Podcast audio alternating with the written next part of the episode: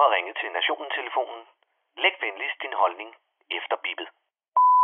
Ja, det er Palle fra Kalmborg. Hold kæft, hvor bliver de russere bare tvunget i knæ af super seje FN, var?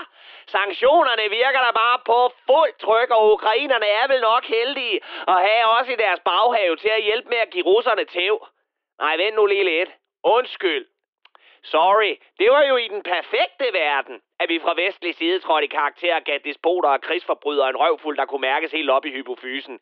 I den virkelige verden, der holder vi møder og diskuterer, hvordan vi forholder os til det hele, imens civil bliver likvideret på åben gade og hospitaler bliver bumpet sønder og sammen til det ligner Gustav Selinas fjes.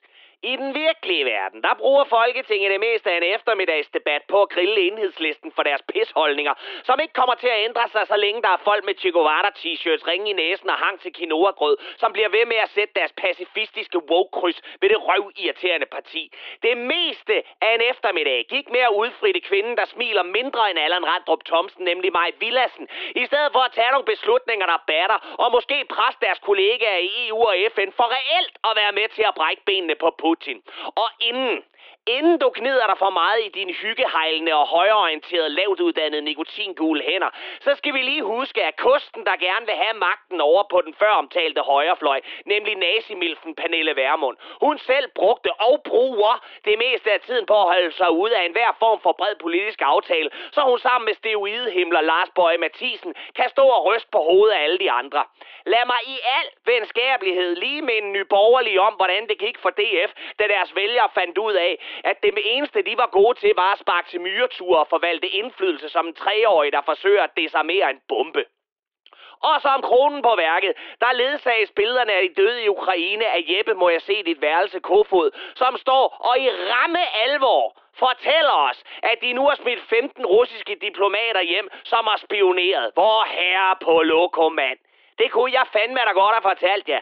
Selv en russisk turist, der aldrig har haft KGB-drømmen, bærer som minimum to mikrofilm i røven og har en giftpil i brillestillet. Fucking rend mig i madfisten, hvor er det værdiløst, det som bliver lagt for dagen fra politisk hold. Og meget mere honky-dory, der går det fandme ikke nede i Bruxelles, hvor hele EU sidder og stiger apatiske ud i luften, fordi bøssernes betvinger Viktor Orbán har vundet sig fire år mere som demokratisk valgt diktator for Ungarn. Ungarn! De små gammeltestamentlige pissigøjner er fandme med i EU. Et land, der giver den politiske opposition 5 minutters taletid på tv hver fjerde år. Og som ligesom et andet EU-land, Polen, har homofri zoner og er mere korrupte, end der forhåbentlig kraftceller i Putins skjoldbuskirtel. Men man kan ikke blive smidt ud af EU, når først man er inde i varmen og har sine naller nede i danskernes lommer. Så er man nemlig home safe og kan frit tæve mænd og kvinder i alle regnbuens farver på åben gade, hvis de så meget som tænker på at nuller hinandens brystvorter. Og man kan også frit videre sende EU-midler til østeuropæiske mafiafamilier, der mod betaling vil elske at brække poterne på din nabos hund. Hvis ikke vi som minimum kan banke middelalderlige holdninger på plads og smide folk ud af klubben, hvad fanden i helvede skal vi så bruge EU til? Og hvis vi heller ikke kan se hinanden i øjnene i FN og blive enige om, at nu ruller vi altså ind med hele den fredsbevarende styrke, som i den nye version 2.0 er mere voldsparate og aftrækkerglade over for russiske soldater og tjetjenske legemorder, end en amfetaminsniftende smedelærling for struer. Hvis vi heller ikke kan blive enige om det, så kan vi lige så godt begynde at sende våbne til Rusland i stedet for, så vi kan blive færdige med den her krig og vende tilbage til normale gas- og oliepriser.